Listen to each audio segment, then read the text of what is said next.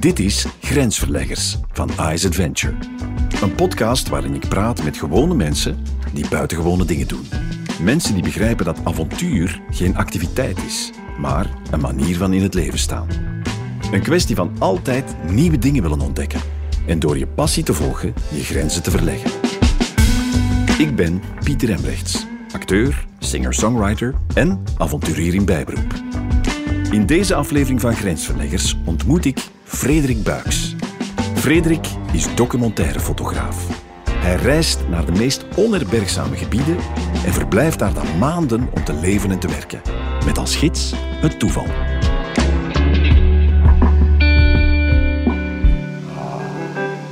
Zalig. De wind waait door het gebladerte van de prachtige populiere laan hier langs de Moervaart in Wachtebeke. En ik heb hier afgesproken met de fenomenale documentairefotograaf Frederik Buiks. Frederik is een met internationale prijzen overladen fotograaf die werkelijk waanzinnig mooi werk maakt. Waarin hij de connectie tussen mens, dier en natuur onderzoekt. En we mogen van geluk spreken, want normaal is hij altijd in een ver buitenland waar hij te paard mee rondtrekt met nomadische schapenherders in de meest rauwe, onherbergzame gebieden. Maar nu is hij in het land. Nu, als je zijn werk nog niet kent, dat is helemaal niet erg. Maar ik zou je toch adviseren, doe jezelf een groot cadeau en ga gewoon eens kijken op zijn site. Want het is echt om van achterover te vallen zo mooi. En ah, daar staat hij. Oh jawel, ik zie hem staan. Uh, en dat zal je misschien verbazen, maar hij staat op het water. Nu, het is niet zo dat hij zoals Jezus over het water aan het lopen is, maar hij is volgens mij aan het suppen. Ja, voor zij die niet precies weten wat dat is, dat is dus een soort rechtopstaand peddelen met een iets wat gezwollen surfplank. Dag Frederik! Yo, Pieter. Hey, Hoe va, ça va. Ah, jij zit hier zalig aan het, uh. Een klein turken aan het doen, ja. Oké. Fijn u te ontmoeten. uh, ja, we hebben hier afgesproken, uh, op uw verzoek. Hè. Jij mocht de plek van ontmoeting kiezen. Waarom hebben we hier afgesproken? Ik, vroeger had ik een klein bootje en vanuit Gent vaarden wij soms tot hier. Ja. En uh, als ik dan een keer wat rust of natuur op wil zoeken in België, is dat wel een fijn plekje. En doe je dat vaak, hier gewoon zo de rust wat komen zoeken en wat komen suppen? Ja, soms bij mij thuis ook in Gent, maar dat is dan op het grote kanaal. En dat is ook fijn, maar hier zit iets meer in de natuur. Ja, ja. En is dat een nood van u om veel in de natuur te zijn? Um, dat is aan het groeien met de jaren, zal ik zeggen. Die, ik voel dat ik meer en meer nood eraan heb. En dat dat mij ook gewoon uh, ja, echt deugd toe. Ik word er ook actiever van. Je wilt meer gaan wandelen, klimmen, lopen. Also, de suppen, al die dingen. En dat gaat goed samen, vind ik. Zo de actieve die activiteiten doen in de natuur eigenlijk. Dat Zeker. Wel, uh... En het is, het is wel heerlijk dat dit maar op een kwartiertje van het centrum van Gent is, mm -hmm. waar jij op een woonboot woont. Dus daar toch ook al veel connectie met de natuur eigenlijk. Ja, ja zeker. Ik kan vanuit mijn living en mijn slaapkamer kijk ik op het water en komen de eentjes ook voorbij gezwommen. Ja. Um, dus dat is zeker heel fijn. Ja. Uh, ik ga beginnen met uh, jou dit te geven. Dat is een minuscuul pluimpje. Het is een uh, pluim voor je fenomenaal mooie werk. Ik heb de laatste dagen je website binnenste buiten gekeerd en ben echt van de ene verbazing in de andere gevallen, want het zijn bloedstollend mooie beelden. Echt, is ook duidelijk dat je daar je leven eigenlijk voor geeft. Hè? Want we bevinden ons hier wel in de natuur, maar het is een ander soort natuur dan de rauwe natuur die jij meestal opzoekt. Waar ben je het liefst? Goh, momenteel is mijn leven zo in twee delen opgedeeld. Echt wel de helft van het jaar ongeveer ben ik op plaatsen in het buitenland waar ik inderdaad meer in de natuur zit. En de helft van het jaar in België, meestal in Gent dan. En ik vind het wel een fijne afwisseling of zo. Die overstappen zijn wel soms niet altijd even gemakkelijk, maar ik heb beide wel nodig. Ja, ja, ja. Uh, klein detail, ik zag onder je rechterkuit, aan de binnenkant van je been, een tatoeage van een schaap. ja, die heb ik eh, vorig jaar in Kirgizië laten tatoeëren. Ah, is het zo? Ja. En wat is de, eh, de achterliggende gedachte daarvan? Mm, ik werk heel vaak met herders samen, of, Ah, ja. of rond het gegeven van herderen. Ik vind dat een van de mooiste beroepen eigenlijk zijn zo de mensen die echt dag in dag uit in de natuur zitten. Maar die moeten ook vaak vechten tegen extreme weersomstandigheden of bedreiging van wolven of zo van die dingen. En ja, dat is iets dat mij altijd aantrekt. Zullen wij ons hier anders op het even zetten en de sub in de auto steken? Allee, Ja. De auto, ik zeg wel auto, maar hier staat een kolossale van. Het lijkt meer een soort jeep die uitgegroeid is met een verdieper bovenop. Ehm, is dit de van waar je al je reizen mee hebt gedaan en nu doet? De laatste twee jaar ondertussen, ja. Daarvoor had ik eh, zo'n typische witte camionet eh, zelf omgebouwd. Maar ik ga wel veel in de, in, de, in de winter naar de bergen. En ik raakte overal in de problemen. En ik denk dat ik in elk land al wel een boer heb moeten lastigvallen om met zijn tractor mij er komen uit te trekken. Dus dan ben ik gaan zoeken naar eh, een vervoersmiddel dat op zijn minst 4x4 had en dat waar ik ook mee kon kamperen. Om een beetje ja, zelfvoorzienend te zijn eh, op die locaties. Het is een heel oud busje, 33 jaar. Wauw. Ehm, ja, af en toe moet er wel een keer een garage binnenspringen ergens. Ehm, maar voor mij was het belangrijkste dat ik er ehm, die afgelegen paden wel mee kon doen. Mogen we je eens langs binnen bewonderen? Ja, dat is goed. Prima. En het is langs hier. Oké. Maar je moet wel even stil zijn. Want? Er zit een duif. Is dat echt? Ja, dat is echt. Toen ik daar straks eh, vertrok, zat er een duif naast mijn auto.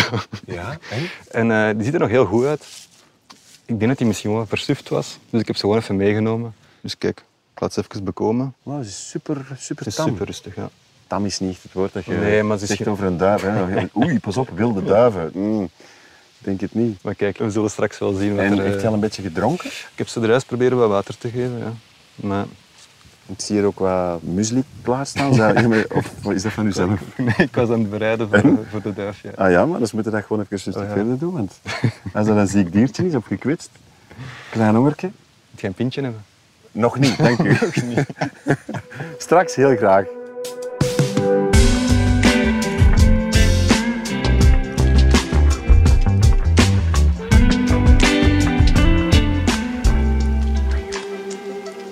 Waar is eigenlijk uw liefde voor de natuur ontstaan? Is dat iets dat je van thuis uit hebt meegekregen? Nee, nee, eh omgekeerde eigenlijk. Wij woonden aan de rand van Antwerpen in een huis met een kleine stadstuin. En ik was enorm gefascineerd altijd door alles van de boerderijen en zo. En ik wou dat allemaal in huis halen. Dus ik heb tegen de zin van mijn ouders echt alles dat je kunt voorstellen in huis gehaald. Van konijnen, kippen, eenden, hamsters, ja, noem maar op. Daar zit wel zo een bepaalde oorsprong of zo, denk ik. Ik weet niet, van, Ja. daar kan ik wel naar terugleiden dat ik van in mijn jeugd al wel, dat dat iets was dat mij wel aantrok of zo. Ja, blijkbaar. ik- Het is wel opvallend dat er dan tussen die liefde voor de dieren, het boerderijleven, dat er echt een hele duidelijke link is met het nu, want dat is de biotoop die je nog steeds opzoekt.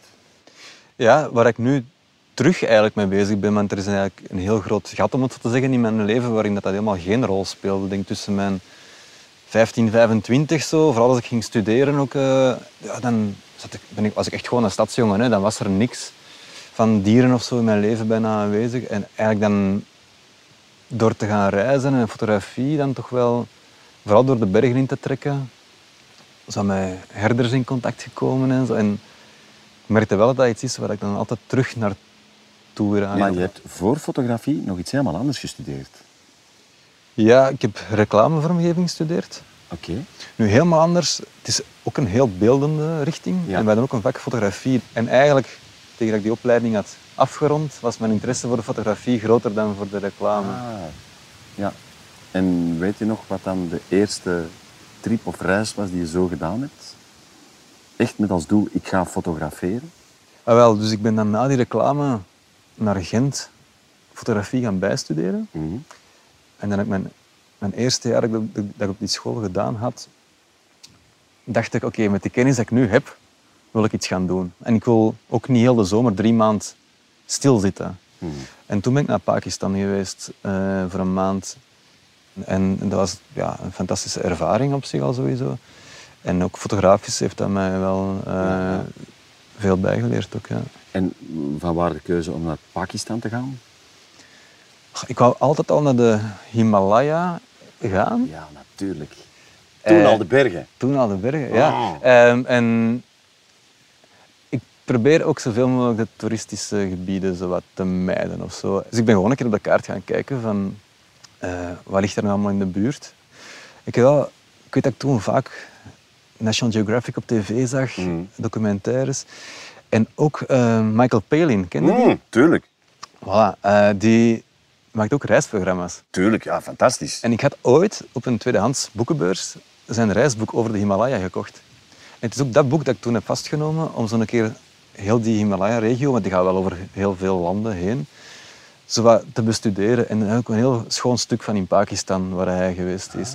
En ik dacht, ah, wel, dat is minder toeristisch dan misschien de andere bestemmingen daar in die regio. En dat is eh, een mooi doel om te hebben eh Wauw. in het noorden van Pakistan. En zo zit Monty Python toch ook nog ergens in de verte aan de oorsprong van uw werk. Ja, maar echt wel. Ja, Ah, ja? ja? die, die, die reisprogramma's van Michael Palin Ja, en, dat, boek. Ja.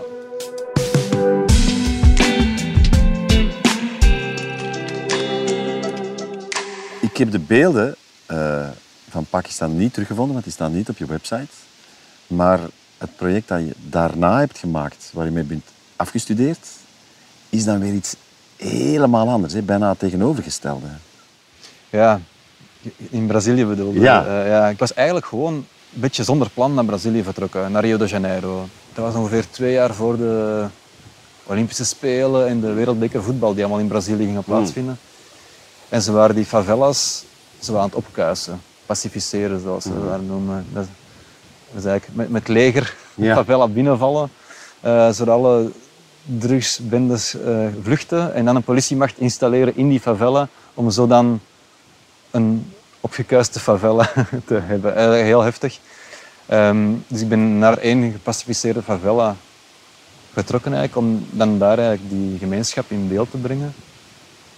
En dat was wel ja, interessant, is wel dat je kunt Ja, zeggen. ja, ja. Ehm, en moeilijk proces, maar zeer boeiend. eh.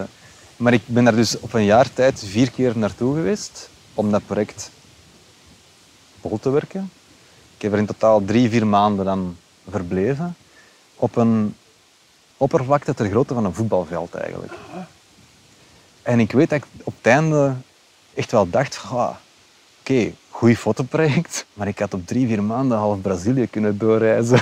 Dat- en, dat, Ah, ja. en dan ben ik zo even daar een beetje gaan over reflecteren van is deze inderdaad de richting dat ik wil blijven uitgaan? Of, of, of wat trekt er mij los van de fotografie als persoon het meest aan? En dan kwam ik wel terug meer naar zo die, die reizen van daarvoor, waar ik dan meer de bergen in trok. En ehm, ja, dan heb ik naar mijn maat in Albanië gebeld. Is het echt? ja, het is echt. En wie is uw maat in Albanië? Ja, iemand dat ik daar eh, op mijn eerste reis, eh, ondertussen 15 jaar geleden, heb leren kennen in een klein bergdorp. En ik heb die eh, gebeld en ik zei, Jetmir, ik heb goesting om een keer een tijdje in zo'n dorpje in de bergen, in de rust te zitten. Mag ik naar u komen? En hij zei, is goed, kom maar af. En ik had dus mijn camera mee, maar ik had geen enkel idee wat ik daar wou doen of zo als fotograaf. Dat was voor mij dus niet prioritair op die moment. En daar ben ik dan ja, tussendoor toch beelden beginnen maken. En zo is dat een beetje beginnen groeien. Echt totaal ongepland. En ondertussen ben ik nu 23 keer eh, naar Albanië geweest. ja, kom En is dat nog steeds een van uw beste vrienden? ja, ja, ik was er de vorige maand nog. Nee. Ja, ja, ja. En over twee maanden ben ik terug daar. Ja. Wat ik wel heel mooi vind in je verhaal is dat je jezelf ook soms blijkbaar echt heel veel tijd gunt. Om gewoon, ik ga daar eigenlijk met als hoofddoel, ik ga daar gewoon zijn Ja. en dan ontstaat er wel iets. Ja, dat is... Als ik zo eens workshops fotografie geef, dan is dat echt waar ik bij de meeste mensen zo op hamer. Van, geef jezelf tijd. Je ziet dat vaak bij beginnende fotografen of, of veel mensen die eh, op, zoals ik vroeger ook, op reis ging en fotograferen, dat is zo dat heel veel snapshots, mooie plaatjes dikwijls, hè, tussendoor, maar het, het, blijft zo bij dat mooie plaatje. En daar ben ik gewoon zelf voor mezelf kritisch naar beginnen kijken van ja, er zijn wel al heel veel mooie foto's op deze wereld. Hè. En, en, dus ik vind het, het verhaal is gewoon nog belangrijker dan vroeger, denk ik. Van, wat, wat, wat ga jij nog bijbrengen in deze maatschappij waarin we zo overladen worden door beelden? En om een goed verhaal te vertellen, heb je gewoon dikwijls veel tijd nodig.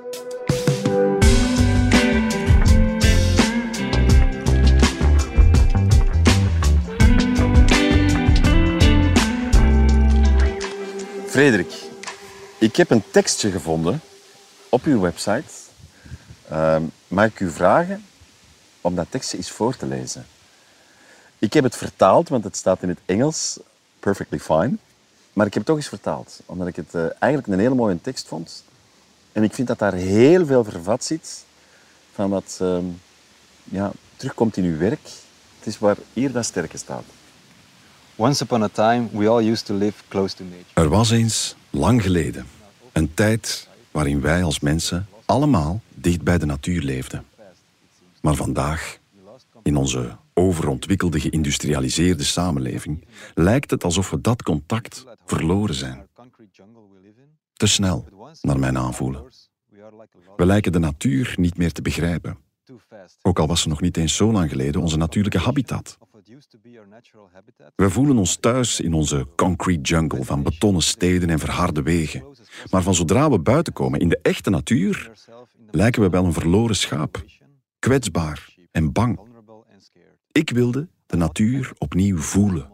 Op elke mogelijke manier. En beleven hoe krachtig die natuurelementen wel zijn. Jezelf isoleren is de sleutel om de deur van deze ervaring te openen en de natuur van dichtbij te beleven. Jezelf in een oncomfortabele situatie brengen zorgt ervoor dat al je zintuigen op hun best gaan werken. Natuur kan overweldigend mooi zijn en onvoorspelbaar hard tegelijk. Maar niets voelde ooit zo intens als overmand te worden door schoonheid en angst op hetzelfde moment. Beauty and anxiety at the same time. Voor mij zit er heel veel in deze tekst. Maar een van de aspecten is natuurlijk ja, de vaststelling dat de westerse samenleving in hoge mate uh, het contact met de natuur verloren is. Is dat iets dat je eigenlijk ook met je werk ja, wil, wil, wil laten zien of wil onderzoeken? Eh, het komt op de allereerste plaats echt wel van mijn eigen verlangen naar meer contact met de natuur terug, of zo ja. te zeggen. Um, dat is het vertrekpunt. Het is echt niet over, ik wil over de samenleving gaan zeggen dat we dit of dat. Daar gaat het voor mij niet over. Ik, ik ben echt wel naar mijn eigen relatie met natuur op zoek of zo. Ah, ja. En dat doe ik door dan naar andere mensen te gaan kijken die nog in de ja. natuur leven. En, en ik zie heel veel schoonheid in die levenswijzes. Ook niet altijd simpel, voor alle duidelijkheid. Maar er zijn ook een aantal dingen die dan in onze meer stedelijke samenleving, om het zo te noemen, waar wat dingen beginnen mank te lopen. En je kunt die dan toch wel soms, of vaak, terugbrengen naar die aspecten of zo. Hmm. Eh, als het gaat over burn-outs, over um, stress en zo en, en alles. En dan ga je naar zo'n plek en dan zie je hoe dat die hun leven is opgebouwd. En dan vind ik dat daar toch wel heel veel logische dingen in zitten die wij misschien dan toch wel uit het oog zijn verloren en dat we misschien toch een keer een stapje zouden terug moeten kijken. Maar ik zeg het, ik wil vooral voor mijzelf dat mm. onderzoeken in welke mate ik die balans ja, ja. wil hebben of herstellen of opzoeken. Uh, ja, ja, ja, ja. En wat zijn de dingen die je daar echt schoon en sterk aan vindt? Mm, dat is niet zo één ding. Mm. Het is enerzijds traagheid van het leven. Hmm. Zodat wij wonen in steden, we kennen amper onze buren of zo. Uh, dat vind ik echt vreselijk soms, zo, dat wij zo apart leven allemaal. En dan kom je daar en dan zit daar zo zoete invallen. Ja, die komt langs en oh, ik moet de buurman gaan helpen, want die zijn paard is gaan lopen. En, en, ik vind dat zalig hoe dat zo, ook zo dat elkaar helpen. Dat, en dat is allemaal zorgen voor elkaar. Ja, want ook hij, jij hebt veel hout om te kappen en die heeft veel schapen en, en, en, en je, je hebt geen grasmachine. Allee, ehm, dus ook zo'n dingen, snap je? Ja. Dat zijn dan de kleinere dingen. Ik kom daar ook tot rusten. Ja. Eigenlijk een beetje bizar, hè? Eh, omdat bij ons heel veel dingen heel goed werken, Ja. creëert dat goed georganiseerde leven heel veel afstand van elkaar. ja, we besteden alle jobs uit. Ja. Je laat een kuisvrouw komen, eh, dus afhaalmaaltijden laten komen. Zo, alles is inderdaad zo... ehm terwijl daar wordt er gewoon... Die mensen hebben heel veel skills van van alles, waar die Ja. hun, zi- zichzelf en anderen heel te mee helpen. Ja, ja. En, en, en dan is het wel mooi te zien hoe dat ook onder elkaar die, die, ja, die gemeenschap die wel echt samenhangt. Hè. Eigenlijk kun je die herders in Kirgizië, dat waar ik mijn werk rond gemaakt heb, was bijna een case study Ja. binnen dat grotere geheel van relatie tussen mens en natuur. Ik had zoiets van, ah, die, die, die mannen dat daar te paard in die bergen met hun schapen door de Himalaya trekken. Die specifiek wil ik een keer onderzoeken. Ja, ja, ja. En als je dan op zoiets stuit en je bent echt gebiologeerd, hoe gaat dat dan in zijn werk? Blijf je daar dan gewoon ineens maanden eh, mee samenleven? Of slaap je dan in de, de vijn? Of, en word je dan zomaar opgenomen in die samenleving? In, in Kirgizië is voor alle duidelijkheid niet met de Vijn. Dat is eh, aan de grens van China dat ik zit. Ehm, dat is zo ne- net iets te grote onderneming om tot daar te rijden. Plus ik, ik blijf daar ook meestal ook op één plaats en, en daar is het te paard allemaal te doen. Dus mijn, mijn auto zou er ook niet veel eh, Nee. nut hebben. Ehm, Maar, je, maar je leeft wel bij die mensen in dat dorp. ja, ja. En ja, de meeste projecten ontstaan, als ik daar zo over nadenk, toch wel zo altijd een beetje op dezelfde manier. Vanuit een, ik heb een basisinteresse voor een bepaald onderwerp of een plaats of, of whatever, en dan trek ik naar daar. En in Kirgizië had ik eigenlijk gewoon een, een, een provincie. Ik had zo een beetje gelezen. Was een- deze provincie is dunst bevolkt. En dan was het voor mij, oké, dan wordt dat al sowieso mijn provincie waar ik naartoe trek. Eh, op de kaart kijken, zo weinig mogelijk wegen is ook altijd een goed teken. Eh, zo min mogelijk eh, menselijke aanwezigheid. Dat is ver weg van de steden en zo. Ja. Dus zo vertrek ik dan een beetje en dan zoek ik gewoon, dat is het laatste stadje waar het er een hotelletje is. Daar heb ik dan mijn rugzak neergezet en dan begin ik te wandelen en te liften. En eigenlijk dag één al was ik toch wel bijna 100 kilometer of zo gelift. Redelijk ver eigenlijk. En, en, en een, een lift teruggekregen. En die mensen die ineens teken van, eh, ja, ik moet hier eigenlijk in een dorpje zijn om iets af te geven of zo. En dus we kwamen in dat dorpje aan en ik zie daar ineens allemaal jonge gasten, allemaal op paarden, vrij wild doen. En ik zei, oh, maar die zijn zo'n sport aan het spelen daar. En dat is echt zo, kokboru heet dat daar. Dus dat is vier, te, vier, vier tegen vier Mhm. op een paard met een dood schaap als eh, bal, eigenlijk. een onthoofd dood schaap. Dus ik zei tegen de gast, eh, laat mij maar hier, dit is interessant. ik ga even hier eh, blijven. Ik ben eruit gestapt in dat dorp. Ik ben daar wat, wat beelden beginnen maken ook. En ja, die jonge gasten waren natuurlijk ook een beetje getriggerd door mijn aanwezigheid. En ik vond hun heel interessant. En dan ontstaat er dus ook weer een soort van communicatie met wat gebaren en zo. En die namen mij direct mee na de, na de wedstrijd. Gingen ze dan nog wat, een beetje vodka drinken naast het veld en zo. En dat was direct, oh, kom maar mee. En dan ben die thuis een koekje eten. En, ja, direct weer zo die gastvrijheid daar. Ehm, en ook proberen duidelijk te maken aan hun. Maar ik wil eigenlijk wel graag in deze dorpje blijven. Kan ik bij iemand thuis blijven? En dat is dan een van die gasten die dan zei, kom maar mee naar mij thuis. En zo heb ik uh, Aman en Talgat zijn nu zes jaar later mijn beste vrienden in, uh, in Kirgizië, waar ik altijd weken bij hen thuis verblijf inderdaad.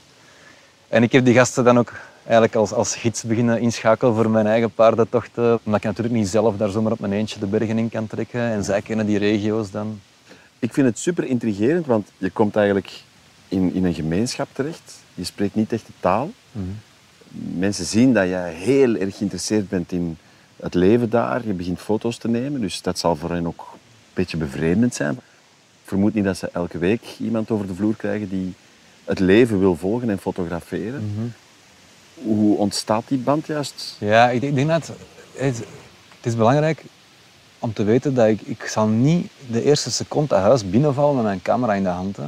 Ik probeer die mensen ook wel echt als, als de persoon Frederik eerst te, te benaderen. Ja. En ook hen te leren kennen. En, en, en dat ik ook voel dat zij mij ook gewoon ontvangen omdat ze gastvrij zijn of vriendelijk zijn of interesse Ja. hebben in, ah ja, je bent een fijne kerel, kom binnen. En dat er iets ontstaat. Ja. En, en dat dat niet in de eerste plaats zo gaat over ik kom hier fotograferen. Ja. En andersom ook niet dat ik voel dat zij het doen omdat ze misschien van mij iets verwachten. Ah. Geld of iets anders of zo. Ah, ja. Laat je, als je bij die mensen bent, laat je soms eh, de foto's aan hen zien. Ja, ja, altijd. Wat ik eigenlijk, eigenlijk al altijd doe sinds dat ik fotografeer, dat was in Brazilië, Albanië, Kirgizië, overal hetzelfde. Als ik terug ga naar plekken, dan neem ik altijd de afgeprinte foto's mee. Dat is gewoon... En echt wel ook, ik heb al straatverkopers in Albanië, dat ik terug naar dezelfde straat ben en die mannen gaan zoeken en Ja. zo, zo vier maanden later. Ja. Ja, dat vind ik wel echt belangrijk. ehm, om echt wel te tonen van, van kijk, dit is het resultaat van al die tijd dat, ik, dat jij niet snapte wat ik deed misschien bij iemand. Ja, voor hen is dat heel vaag ook. Hè. Zo iemand dat foto's komt maken, inderdaad. Ja. Ze, ze snappen wel wat een camera is, maar ja, zo, iemand die artistiek foto's maakt in tentoonstellingen, voor hen is dat, ja, dat is even ver weg dan dat voor ons een herder op een paard in de bergen ver weg lijkt.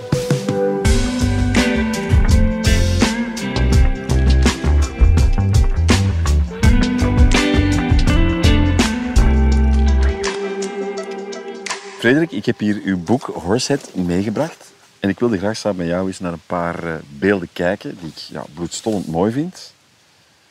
Ik sla het boek willekeurig open en we zien hier een jager in een sneeuwlandschap. Het is onvoorstelbaar mooi, maar het lijkt me ook een heel rauw en hard leven. Ja, ten eerste is het daar super koud op die moment. Het is echt een putje winter. Heel vroeg in de ochtend ook.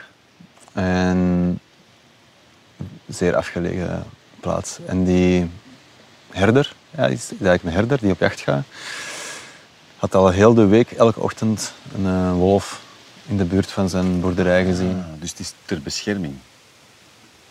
Dat hij op de, op de wolf jaagt, dat hij niet de kudde zou aanvallen, bedoel ik. Ja, eigenlijk is hij die, deze ochtend ben ik mee met hem op wolvenjacht. Hoe koud is het daar op dat moment?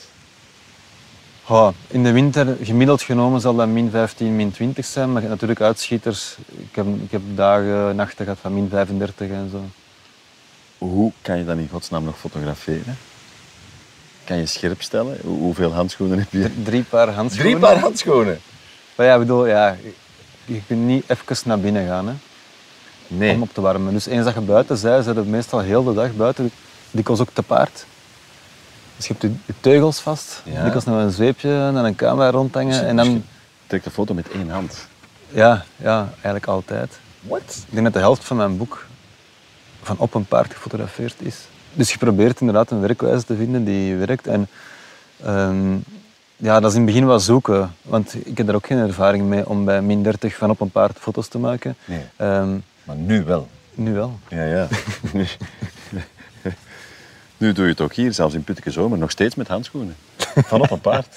Gewoon omdat het kan. Dat gaat niet meer anders. Ja, maar dit bijvoorbeeld, het beeld dat we nu zien, hè, ik zal het proberen te beschrijven. We zien een immens besneeuwd gebergte, maar helemaal bijna gecentreerd is er onderaan een zwarte streep te zien. Het lijkt alsof er met een penseel horizontaal een heel fijn zwart streepje is getrokken. Op zich alleen al, puur grafisch, vind ik dit verbluffend mooi. En als je dan heel goed kijkt, zie je dat dat zwarte streepje schapen zijn. Er is een kleine spatie en in die spatie zie je, ah, de herder. Maar hoe lang doe je erover om nu bijvoorbeeld zo'n beeld als dit zo grafisch, zo goed te krijgen? Ja, toevallen? Is dat, ja, maar bedoel, het is niet dat je bijvoorbeeld van dit moment, ik zeg maar iets, eh 30 foto's hebt en denkt van dit is de one. Ja, ik heb er wel veel beelden van gemaakt. Omdat ik wel... Ik zag die man op zijn paard tussen al die schapen lopen op Ja. die lange lijn. Ja. En dat was al een mooi beeld. Ja. Maar die loopt natuurlijk soms wat dichter op die schapen, soms wat meer naar achter. Dus ik was wel aan het zoeken naar hoe, op het moment waarop die daar beter gingen uitkomen. En dan is er inderdaad op die, die paar minuten dat, dat, dat die lijn zich voorbij trekt in het landschap, Ja. is er zo even dat moment. Waarin, waarin dat die schapen loskomen. het is niet dat het herder. bewerkt is. Nee, nee, nee. Nee, nee het is eh, dit is wat je gezien hebt. Ja, natuurlijk. Ja. En natuurlijk ook iets wat heel vaak in eh, dit werk terugkomt. Hier zie je dan, als je goed kijkt, een soort huisje, ja, een boerderijtje in de een boerderijtje. En ja, het is, het is zo minuscuul. Het verdwijnt bijna tegenover dat gigantische gebergte. Wat ook een prachtig verhaal op zich vertelt. Hè. De, de, de nietigheid van de mens ten opzichte van dat, die reusachtige natuur. Ehm, hoe komt het toch dat dat eigenlijk het wederkerige thema is geworden in, in dat werk? Je bedoelt die verhouding van Ja. de, de, de grootsheid van de Ja. natuur. Ja, dit- weet je, ik ben daar zelf ook echt wel van verbaasd geweest. Eerst toen in Pakistan en dan later ook in Kirgizië. De verhoudingen Ja. van natuur zijn echt anders dan dat wij kennen in Europa. De eerste keer dat ik in die vallei kom, het was een mooie dag. En denk ik, ah, ik ga een keer wandelen tot aan die berg. En dan ben je een uur aan het wandelen en dan besef je dat die berg nog altijd even ver lijkt.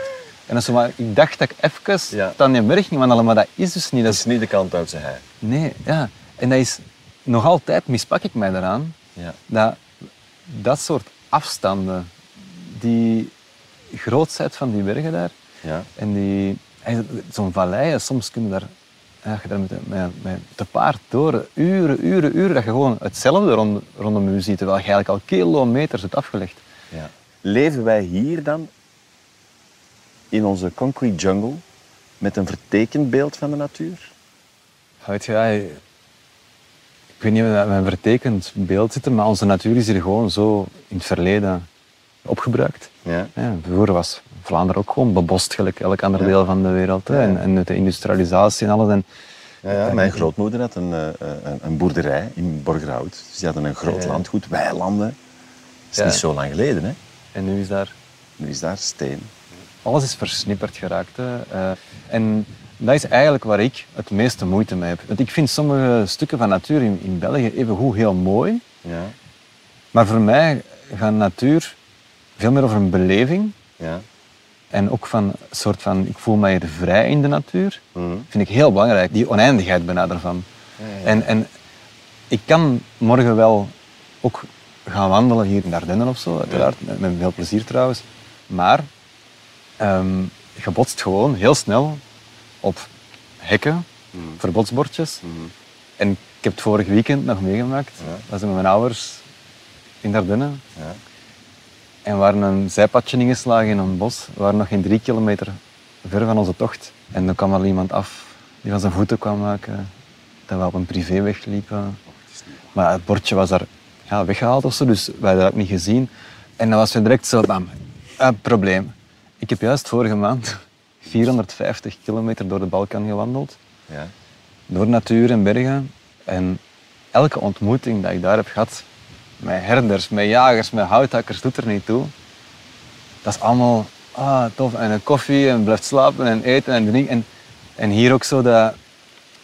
Ja, ook de mentaliteit. Ja, alles is zo... te Veel regels, hè. Nu, als je zegt dat je ehm, bepaalde aspecten van het leven in Albanië en Kirgizië eh, echt bewondert, en je hebt bijvoorbeeld in Albanië je beste vriend wonen, en je spendeert er zoveel tijd, heb je dan nooit te bedenken van, hmm, misschien wil ik er wel gaan wonen? Ik heb al een paar keer eh, daar zo'n keer over gepraat met hen, of dat er zo geen boerderijtje ergens te koop stond of zo. En dat is wel al vaak in mij opgekomen. Langs de andere kant ben ik, besef ik ook wel dat ik ook echt wel graag onderweg ben en zo ook andere plekken wil blijven, kunnen blijven ontdekken. Ja. Waardoor dat eigenlijk een, een busje misschien toch net iets meer Ah ja. voor mij gemaakt is dan, dan mij daar te gaan eh, vastzetten op één Ja, plaats of zo. En gevoelsmatig, waar kom jij het meeste thuis? Dat is echt een moeilijke. Ja? In welke zin? Het kan ook gewoon uw fijn zijn, hè? Of, of misschien Ja, in contact met mensen. ja. Of, of, eh, Ik heb zo'n tijdje gehad dat ik zo België zoals als mijn transitzone, hem zag. Ah ja, ja. Dus dat dat zo... Even thuiskomen van die reis of zo, dan je zak uitpakken, even alles terug op een rijke, wat werk inhalen en je zak terug inpakken voor het volgende. Zo. Dat is ook in mijn hoofd echt zo. Dat was ook zo de, de mindset van, ik moet nu gewoon even dat vlug... Ik was niet bezig met te investeren in mijn tijd in België of zo. Nee, nee, nee, nee. nee. Ehm, eh, en nu probeer ik daar toch anders mee om te gaan. ja. Ehm, omdat ik... Ja, het is wel een moeilijke balans als je veel weg bent. hè. Zeker. Eh, je spreekt met heel veel liefde en, en vriendschap over eh, ja, de mensen met wie je samen al die prachtige eh, projecten doet. De locals zal ik ze maar noemen. Ehm, je hebt soms ook het gevoel dat je iets wilt teruggeven, heb ik begrepen. En heeft dat ook al vorm gekregen? Ja, teruggeven, ik zo'n beetje... Ik snap wat je bedoelt hoor, maar ik ben nu wel bezig met vrienden van in Kirgizië om Mhm. waar wij eigenlijk samen ehm horse trekkings organiseren daar. Oh, wauw. Waarin dat we ook verschillende mensen uit het dorp kunnen betrekken. Want we hebben dan paarden nodig, we hebben chauffeurs nodig, we hebben koks nodig, we hebben gidsen Ja. nodig. Dus in totaal kunnen daar makkelijk 15 à 20 families Ja, toch bij betrekken. Allemaal met een klein beetje inkomsten. En, en dan samen een, eh, een avontuur eh, Beleven. beleven. Klinkt heel mooi. En ik snap nu ook dat je zegt van nou, het is niet iets van teruggeven, het is meer eigenlijk bijna een vriendendienst. Van, Ja, Iets dat je- een ja, het is inderdaad gewoon, iets dat je kunt het, komt ook gewoon, het is ook gewoon samen ontstaan, dat idee. Dus dat is echt wel... het is een verlengde van zorgen voor elkaar. Ja, Oké, want ik kom graag naar daar Ja, en, en ja. dan begin je te babbelen en dan ga je zo eh, nadenken en zo. Frederik, grand merci voor dit eh, heel boeiende gesprek over uw weergaloos mooie foto's en de tocht die je daarvoor moet afleggen. Ik vond het super interessant. Ik hoop dat het voor u ook plezant was. Ja, zeker. En ehm, toen, je, dat, je dat, toen je daar straks zei, pintje, dan zou ik nu wel zeggen, ah wel ja, graag, staat erop. Voilà, is goed. Ik kan het je halen. Merci. Dit was de zesde aflevering van Grensverleggers.